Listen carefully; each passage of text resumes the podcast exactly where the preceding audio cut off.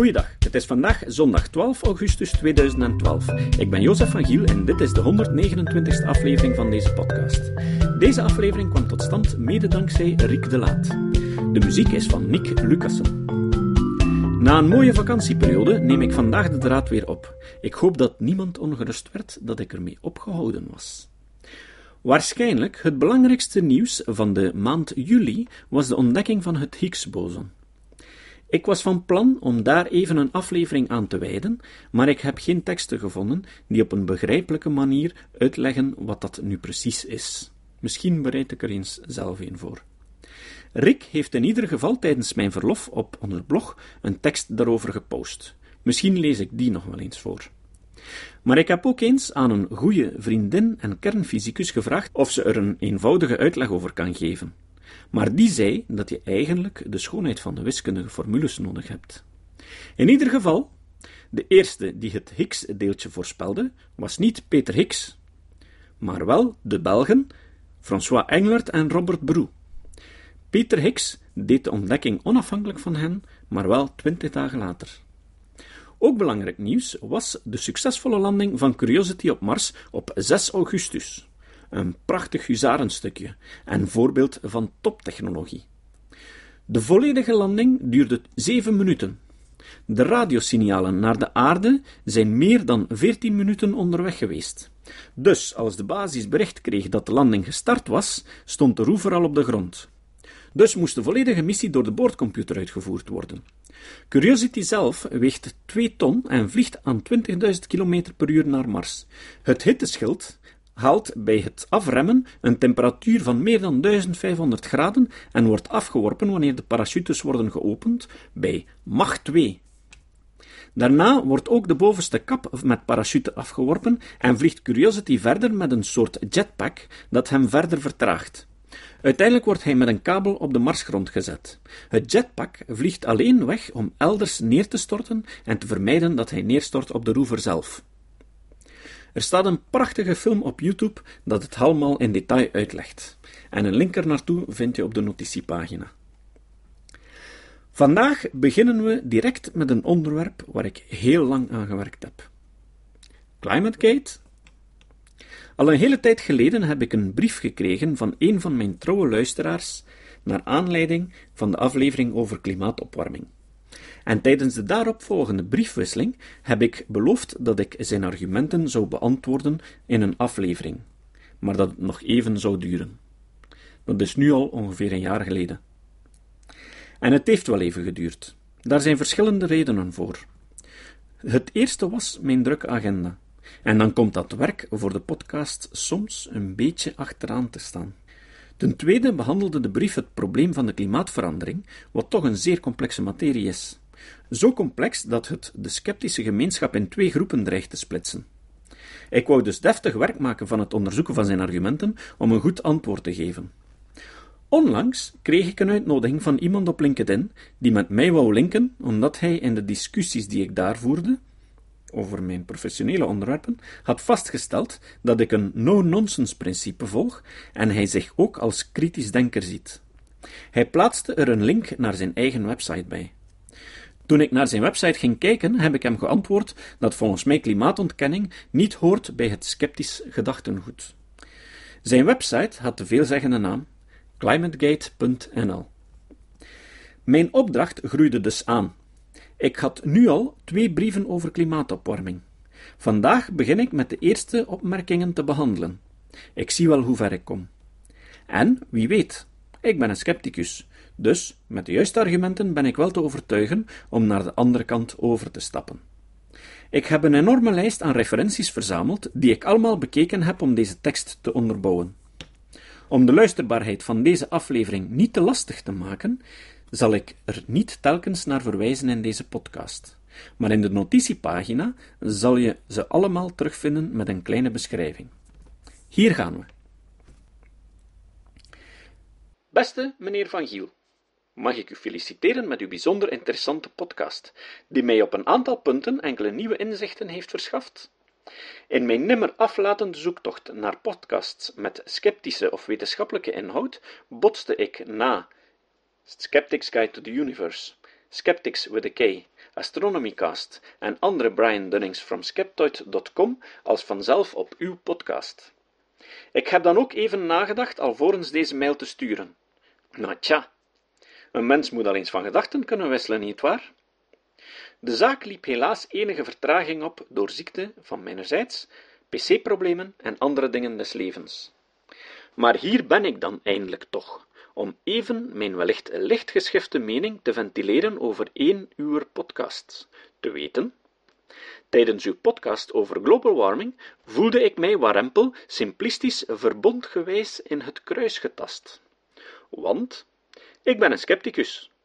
Niet alleen atheïst, maar ook zo wars van pseudowetenschappelijk gezwets dat mensen zich al eens aan mij ergeren als ik weer eens een astroloog, een helderziende of een of andere oud-Chinese geneeswijze door de mangel haal.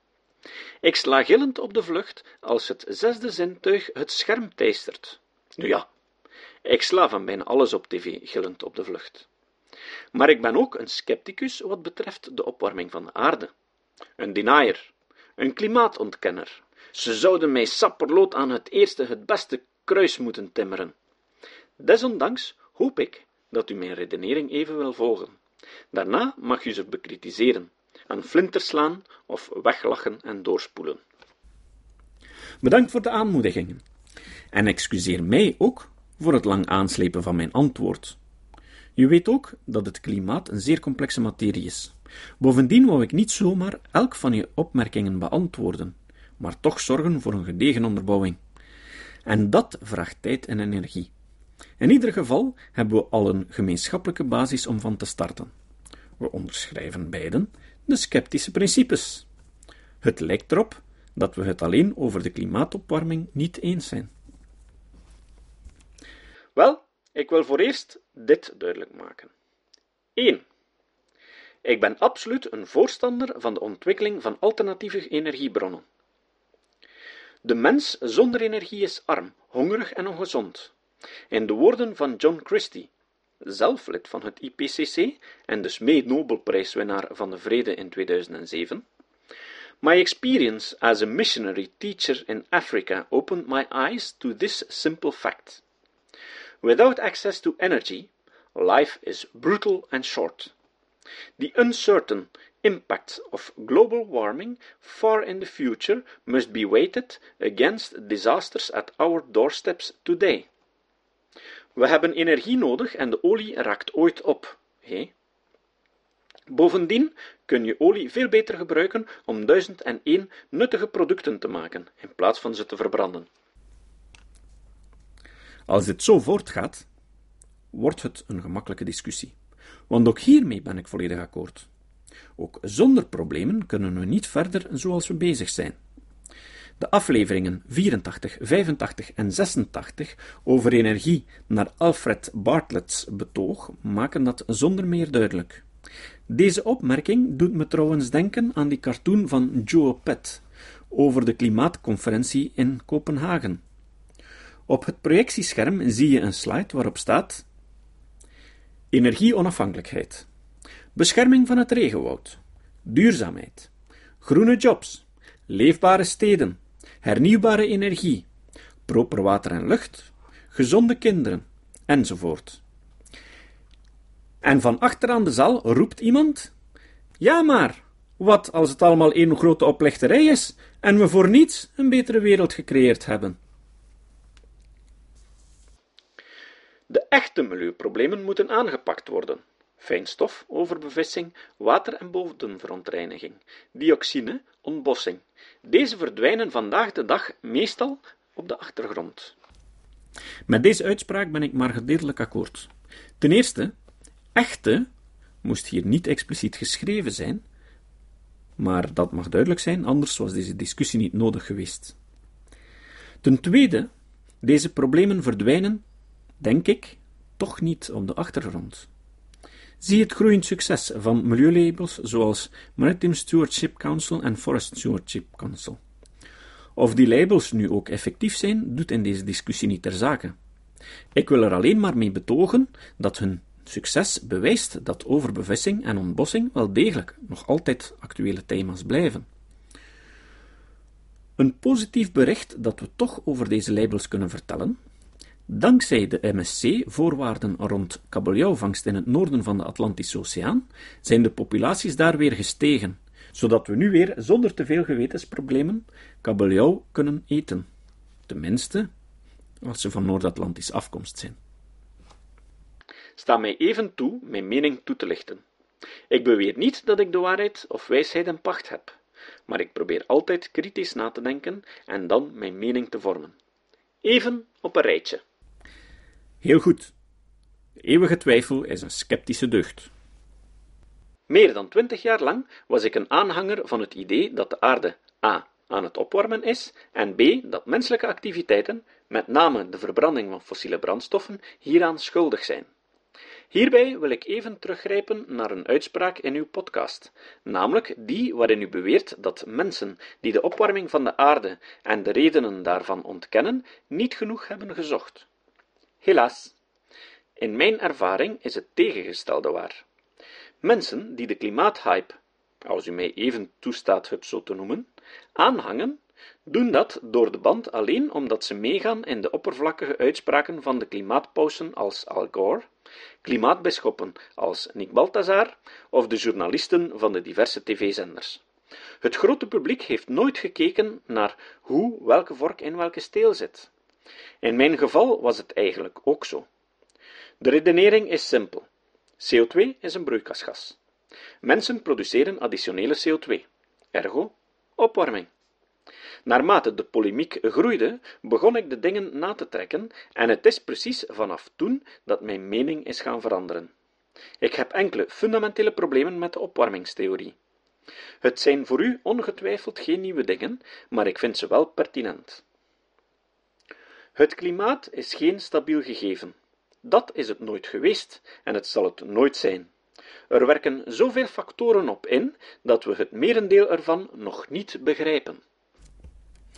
Veel mensen gaan ervan uit dat, omdat het weer een onstabiel en moeilijk te voorspellen verschijnsel is, het klimaat het automatisch ook is. Het klimaat is een lange termijn verschijnsel dat het resultaat is van de vele dagelijkse weersituaties over meerdere jaren over de wereld heen.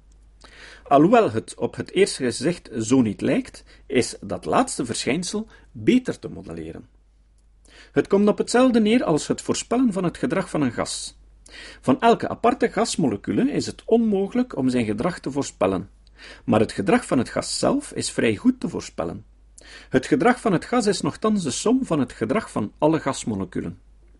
Of een eenvoudig geval. Hoeveel ogen een dobbelsteen zal gooien, is onmogelijk te voorspellen, als hij niet vervalst is. Als je echter 100 keer gooit, zal het gemiddeld aantal gegooide ogen dicht bij 3,5 liggen. En een ander voorbeeld dat dichter bij het klimaatverhaal zit.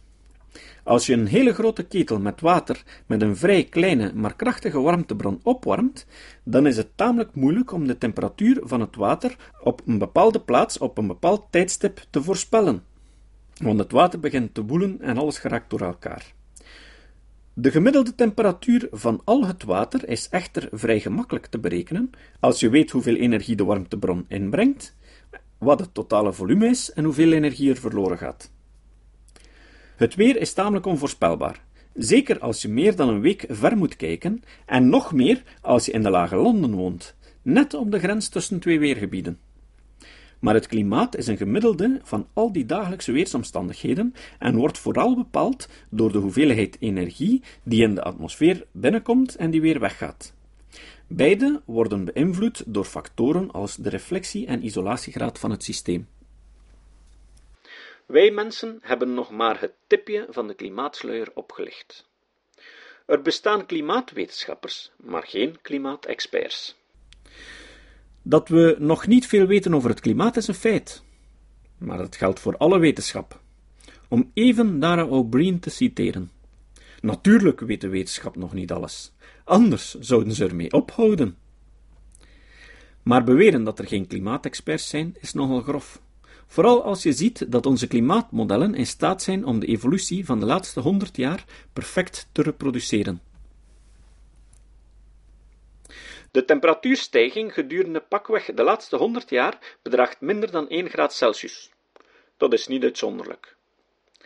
Er lijkt een correlatie te zijn tussen temperatuurstijging en CO2-stijging, maar correlatie is geen oorzakelijkheid. De correlatie zelf is betwistbaar. In grosso modo, het interbellum was er een aanzienlijke stijging in de temperatuur, maar niet in het CO2-niveau. In de periode na de Tweede Wereldoorlog tot halfweg de jaren 70 was er een daling in de globale temperatuur, terwijl precies toen de grootste stijging in CO2-uitstoot op gang kwam. Er wordt gezegd dat dit soort verschijnselen zich in de middeleeuwen ook al heeft voorgedaan. Het is een feit dat zich vroeger temperatuursveranderingen voordeden door natuurlijke factoren. Maar merk op dat als je daaruit concludeert dat de huidige opwarming niet van menselijke oorsprong is, je redenering op hetzelfde neerkomt als beweren dat mensen geen bosbranden kunnen veroorzaken, omdat bosbranden op natuurlijke wijze kunnen ontstaan. Het punt is dat we het mechanisme dat aan de oorzaak van deze opwarming staat, kennen.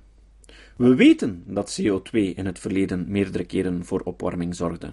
We weten ook hoeveel CO2 de mens nu de lucht inblaast. Correlatie en causatie is een klassiek argument en één dat we als scepticus dikwijls terecht toepassen op pseudowetenschappen. Maar is die hier van toepassing? Het argument wordt echter versterkt als er ook een theoretische lijn bestaat die deze argumentatie onderbouwt. En het is al meer dan 100 jaar geweten dat CO2 infrarote straling absorbeert. Dat was al in 1861 ontdekt door John Tyndall en is sindsdien al dikwijls bevestigd. Deze eigenschap van CO2 wordt trouwens industrieel gebruikt voor de bouw van onder andere CO2-lasers, waarmee dikke stalen platen met infraroodlicht gesneden kunnen worden. Tussentijdse afkoeling en een opwarmende trend van het klimaat is een normaal verschijnsel en wordt onder andere toegeschreven aan het El Niño-effect in de Stille Oceaan, maar ook aan andere effecten. Daarom kent de lijn van de opwarming geen constante stijging. Dat betekent niet dat de trend op lange termijn niet stijgend is. Ontkenners gebruiken verschillende delen van de temperatuurstrend om hun gelijk te bewijzen, zoals de periode tussen 2004 en 2008, waarbij er een lichte daling was. Maar als je die periode doortrekt naar de periode ervoor en erna, dan kan je moeilijk aan een trend twijfelen. Als je de grafiek in detail kijkt, dan stel je inderdaad een daling vast tussen 1945 en 1950. Maar die wordt onmiddellijk gevolgd door een stijging. Het is zelfs zo dat de piek van 1945 pas wordt voorbijgestoken rond 1980. Het slechte nieuws is echter dat vanaf 1995 geen enkel jaar de gemiddelde temperatuur lager is dan 1945. De oorlogsjaren waren blijkbaar vrij milde jaren wat betreft de temperatuur. Als je deze dan uitlegt en samenvoegt met de jaren erna, heb je inderdaad de indruk dat de temperatuur een dalende trend heeft. Maar de oorlogsjaren gaven ook recordtemperaturen ten opzichte van alle jaren voren te zien. En als je die periode ook mee bekijkt, dan kan je er niet omheen dat de temperatuur stijgt. De grafieken die ik vind, geven geen daling van het CO2-niveau in het interbellum. In de notitiepagina's vind je een link naar de volledige grafieken van de evolutie van de temperatuur. U haalde aan dat één argument tegen AGW, anthropogenic global warming, of opwarming door toedoen van de mens, namelijk dat in het verleden de stijging in CO2-gehalte volgde op opwarming en niet omgekeerd, zinloos is, omdat de temperatuur daarna bleef stijgen. Ik vind dit een zeer vreemde redenering en eigenlijk irrelevant. Feit blijft dat de stijging in het CO2-niveau niet voorafging aan de temperatuurstijging. De reden van de stijging nadien is onduidelijk. Klimaatontkenners halen dit aan als argument om aan te tonen dat CO2 niet de oorzaak was van opwarming. Maar het werkelijke verhaal rond deze historische opwarming is complexer dan dat. In feite is op verschillende momenten in het verleden de opwarming door een andere oorzaak dan CO2 in gang gezet. Zo is bij het einde van de laatste ijstijd, zo'n 20.000 jaar geleden, de opwarming in gang gezet door een verandering van de beweging van de aarde. Dit fenomeen werd in detail onderzocht door Skakoen. Er zijn drie variaties van de beweging van de aarde die het klimaat kunnen beïnvloeden. De eerste is de excentriciteit van de baan om de zon. De tweede is de obliquiteit of schuinheid van de aardas en de derde is de precessie of het wobbelen van de aardas. Deze laatste twee zorgen er vooral voor dat bepaalde gebieden warmer worden zonder dat noodzakelijkerwijs de volledige aarde warmer wordt.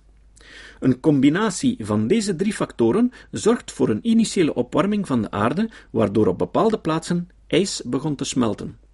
Dit zorgde ervoor dat grote hoeveelheden zoetwater in de oceanen stroomden, waardoor de stromingen in de Atlantische Oceaan verstoord werden.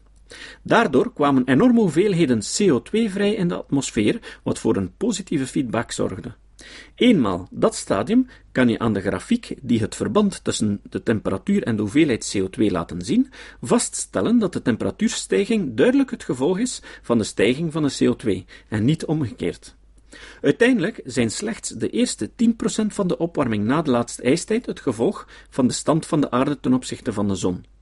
De eerste opwarming zorgde voor het vrijkomen van de eerste hoeveelheid CO2, en die zorgde voor de rest, 90% van de opwarming.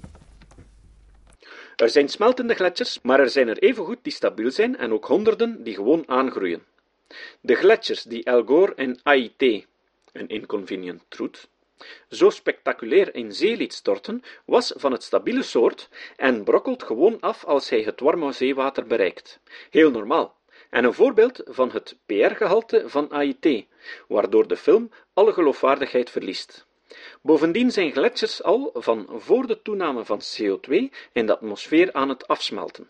Dit heeft alles te maken met de opwarming na de kleine ijstijd. In de Alpen is bijvoorbeeld een zilvermijn ontgletsjerd, wat inhoudt dat nog niet zo heel lang geleden het ijs veel verder was teruggetrokken dan nu. Ik ben in 2006 naar Patagonië geweest in Chili. Daar vind je de grote Grijzer Gletsjer, de grootste gletsjer van het zuidelijke halfrond buiten de Zuidpool en die zich over meer dan 250 kilometer uitstrekt. Elke tong van die gletsjer trekt zich jaarlijks tussen 20 en 50 meter terug. In 2010 zat ik in Wallis, in Zwitserland, en ik heb daar de Rhônegletsjer bezocht. Aan de voet van de gletsjer is een hotel met de klinkende naam Gletsjerfoes. Maar de voet van de gletsjer bevindt zich nu meer dan 200 meter hoger op de rots. De rots vertoont duidelijke tekenen dat ze nog maar onlangs aan de lucht is blootgesteld. Boven is een hotel waar je gletsjergrotten kan bezoeken. Maar om de gletsjer te bezoeken moet je ondertussen nog meer dan 500 meter wandelen, want de rest is ondertussen afgesmolten. In dat hotel hangen er foto's die een overzicht geven van de toeristische activiteiten naar die grot gedurende de 20ste eeuw. Het is indrukwekkend hoeveel ijs je ziet op de oudste foto's. De gletsjer kwam effectief tot aan het hotel Gletsjerfoes. Ik heb zelf als kind dezelfde plaats met mijn ouders bezocht en ik herinner me nog goed dat er toen veel meer sneeuw lag. Je moet het je eens voorstellen. De Rhône is de belangrijkste rivier van Zuid-Frankrijk en verantwoordelijk voor de mistralwind die voor de nodige verkoeling en het nodige vocht zorgt in de Provence. Je moet je eens inbeelden dat de Rhônegletsjer volledig opdroogt. De Rhône zal dan nog niet volledig opdrogen, maar ze zal niet meer die indrukwekkende stroom zijn die je nu in Avignon kan aanschouwen. Het gevolg is dat je een enorme klimaatsverandering zal krijgen in het zuiden van Frankrijk, met misschien zelfs woestijnvorming tot gevolg. Ik herinner me nog goed hoeveel sneeuw er op de Jungfrau en de Matterhorn lag en hoe wit bergen in Oostenrijk waren toen ik met mijn ouders er naartoe ging. Maar toen ik er in 2008 terugkeerde, zag je slechts hier of daar een wit toefje. In 2009 ging ik naar IJsland, en toen we de Myrdalsjökull bestegen, stopte de gids even voor een enorme afgrond en vertelde ons dat die afgrond nog geen twintig jaar geleden helemaal gevuld was met de gletsjer. Hij vertelde ons dat ze elk jaar verder en verder moesten rijden om op de gletsjer te komen. Toen ik in 2010 het zuidwesten van de Verenigde Staten bezocht, zag ik de bergen van de Rocky Mountains in Colorado en de pieken van Yosemite Park in Californië. Ook daar stel je alleen maar vast dat de gletsjers terugtrekken. In Colorado betekent dat dat de volledige regio van de Colorado-rivier nu al met chronische waterproblemen kampt. Ik heb daar met mensen gesproken die het probleem beamen. Dat is niet alleen de staat Colorado, maar ook belangrijke delen van Utah, Arizona en Nevada. Je kan dan waarschijnlijk begrijpen hoe degoutant ik de waterverspilling vond in de woestijnstad Las Vegas. De Colorado-rivier bereikt tegenwoordig haar monding niet meer. Dat is natuurlijk niet alleen door de vermindering van de aanvoer, maar ook door het gestegen waterverbruik. Je ziet, ik heb het fenomeen met mijn eigen ogen vastgesteld, op totaal verschillende plaatsen op de wereld, en ik heb nergens gletsjers tegengekomen die groeien. Ondertussen, en nadat ik bovenstaande tekst schreef, heb ik het westen van Canada bezocht. Ik heb de nationale parken van de Rocky Mountains gedaan. Jasper, Banff, Waterton en in de VS ook Glacier en Yellowstone. En overal trekken de gletsjers zich terug.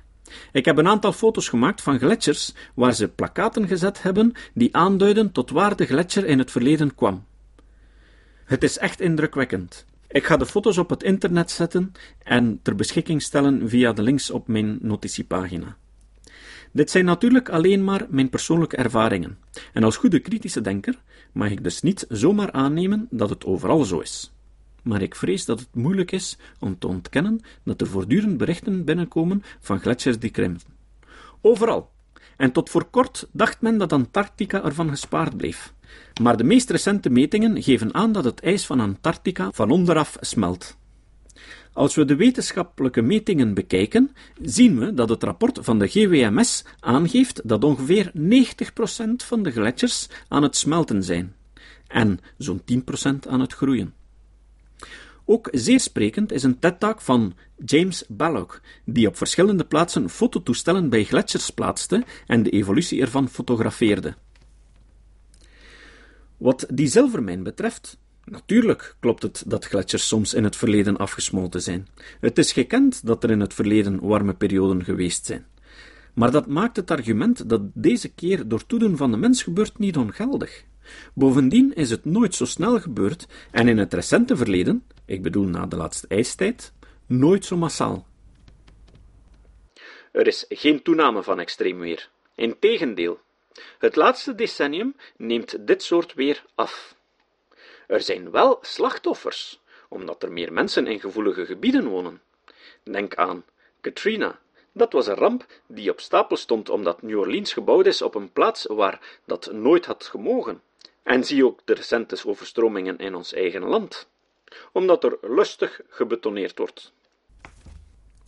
Het klopt dat er meer ongevallen gebeuren als gevolg van een toegenomen bevolking in risicogebieden en slechte bouwplannen. Maar het is geen argument dat er geen toename is aan extreem weer. Onderzoeken uitgevoerd door Gorsman in 2008 en Alexander in 2006 tonen een toename aan van extreme temperaturen en extreme neerslag sinds 1950. Op 18 februari 2011 kopte een artikel in de Standaard Mens zit achter wateroverlast. Francis Zwiers vergeleek de regenval van 1951 en 1999 in Noord-Amerika en Eurazië en stelde vast dat in twee derde van de gebieden de regenval was verhevigd. Allen en Paul vergeleken overstromingen uit metingen van 200 jaar ver in Engeland en concludeerden dat de kansen op overstroming zijn verdubbeld. De afkoeling van de stratosfeer is vrij moeilijk meetbaar. Maar stel dat dit klopt. Dit kan gedeeltelijk te wijten zijn aan koolstofdioxide, maar evengoed aan afname van ozon in dezelfde lagen. Metingen van de ozonlaag, die door Young in 2005 verzameld werden en gepubliceerd in het Journal of Geophysical Research, geven aan dat die in 1995 gestopt is met afnemen. Toch is sindsdien de temperatuur van de aarde blijven stijgen. De consensus over AGW lijkt veel eer politiek, ja, zelfs ideologisch, dan daadwerkelijk wetenschappelijk van aard. Hierover alleen kunnen we al een hele boom opzetten. Het is duidelijk dat heel wat wetenschappers, ook vooraanstaande en zelfs mensen binnen het IPCC, het niet met de besluiten van het IPCC eens zijn. Deze opmerking wordt dikwijls beargumenteerd op basis van de uitgelekte mails die tussen leden van het IPCC werden uitgewisseld. Maar een onafhankelijk onderzoek besloot dat de geviseerde wetenschappers niet in de fout zijn gegaan. In bepaalde mails stonden nogal emotioneel geladen zinnen. Maar daar is niet noodzakelijk een probleem mee. Wetenschappers zijn ook maar mensen en laten zich soms door hun emoties gaan. Het onderzoek heeft echter geen fouten ontdekt die de integriteit van het IPCC zou ondermijnen. Bovendien bestaat er een petitie waarin gesuggereerd wordt dat een meerderheid van de wetenschappers de klimaatopwarming niet ondersteunt. Maar als je dieper ingaat op die petitie, stel je vast dat de auteurs een heel losse interpretatie van het woord wetenschapper gebruiken. Iedereen die een wetenschappelijke of technologische opleiding had genoten, viel binnen de definitie van deze petitie. dus ook programmeurs en laboranten. In deze petitie zaten bijna geen klimaatwetenschappers. Andere petities, waarbij enkel klimaatwetenschappers, meteorologen en geologen geïnterviewd werden, geven een consensus van meer dan 97 procent. Zeer interessant rond dit argument is dat ook binnen de sceptische wereld de consensus groeit. Op een bepaald ogenblik heeft James Randi zijn twijfels over anthropogenic global warming geuit. Maar na een onderhoud met enkele andere sceptici van wereldformaat, onder andere Phil Plait en P.Z. Myers, heeft hij zijn verklaring herzien. Randy voegde in zijn antwoord op het misverstand bovendien toe dat hij zich niet bevoegd voelt om in te gaan tegen deze wetenschappelijke consensus. Trouwens, op de blog van. Meyer vind je heel veel interessante artikels over klimaatverandering. Onlangs wijde Brian Dunning een aflevering van Skeptoid aan het onderwerp en kwam ook tot het besluit dat de conclusies van het IPCC betrouwbaar zijn. Brian Dunning kan je nogthans niet direct een groene jongen noemen en ik betwijfel of hij aanhanger van de Democratische Partij is. Ontkenners steken hier echter heel veel energie in. Het Heartland Instituut vervalst bewust gegevens. Het is bovendien misschien interessant om te melden dat Heartland Institute een conservatieve denktank is die zich in de jaren 60 bezighield met de ontkenning van de gevolgen van roken en later met het zaaien van verwarring rond evolutietheorie. Heartland wordt gesponsord door onder meer Coca-Cola, Texaco en Philip Morris. Ah ja, en ook nog de Koch Foundation, een vereniging van oliemagnaten. Het lijkt me er dus op dat vooral de ontkenners politiek gemotiveerd zijn. Maar dat zijn natuurlijk het hominem aanvallen en poisoning the well. En dus moet je die als goede scepticus negeren. Een van de belangrijkste klimaatwetenschappers die twijfels had over AGW en door zijn collega's serieus genomen werd, is Richard Muller. Hij heeft een van de grootste onderzoeken ter wereld rond klimaatopwarming geleid en analyseerde meer dan 44.000 plaatsen waar hij miljoenen metingen deed op de evolutie van de temperatuur teruggaande tot het jaar 1753. Hij had ook een gigantisch budget gekregen van de zo pas genoemde Koch Foundation. Op 1 augustus van dit jaar is Muller uiteindelijk bijgedraaid en zei dat hij niet anders kan dan besluiten dat de klimaatopwarming een feit is en dat de mens het veroorzaakt. Bovendien is het verontrustend om van hem te horen dat als we zo verder doen, de aarde binnen 20 jaar met 1,5 graad zal opwarmen, wat veel pessimistischer is dan wat het IPCC-panel voorspelde. De rest komt de volgende keer. Het citaat. Het citaat van vandaag komt van Richard Muller. Muller is aardwetenschapper en is lange tijd criticus geweest van het hockeystick-model. Maar zoals net verteld is Muller bijgedraaid. Muller zei: Als wetenschapper is het onze plicht om toe te laten dat bewijzen onze standpunten doen wijzigen. Tot de volgende keer. Dit was de podcast Kritisch Denken. Vergeet niet om alles kritisch te behandelen, ook deze podcast. Voor verdere informatie over deze podcast, links en voor de tekst, surf naar www.kritischdenken.info. Als je deze podcast belangrijk vindt, kun je me steunen door anderen warm te maken ook eens te luisteren. Stuur een e-mail naar vrienden met een link naar de website en plaats de link in de handtekening van je e-mails. Tevens kun je op iTunes deze podcast een beoordeling geven of een recensie schrijven. Of je kan op je eigen website of blog een link naar kritisch denken plaatsen.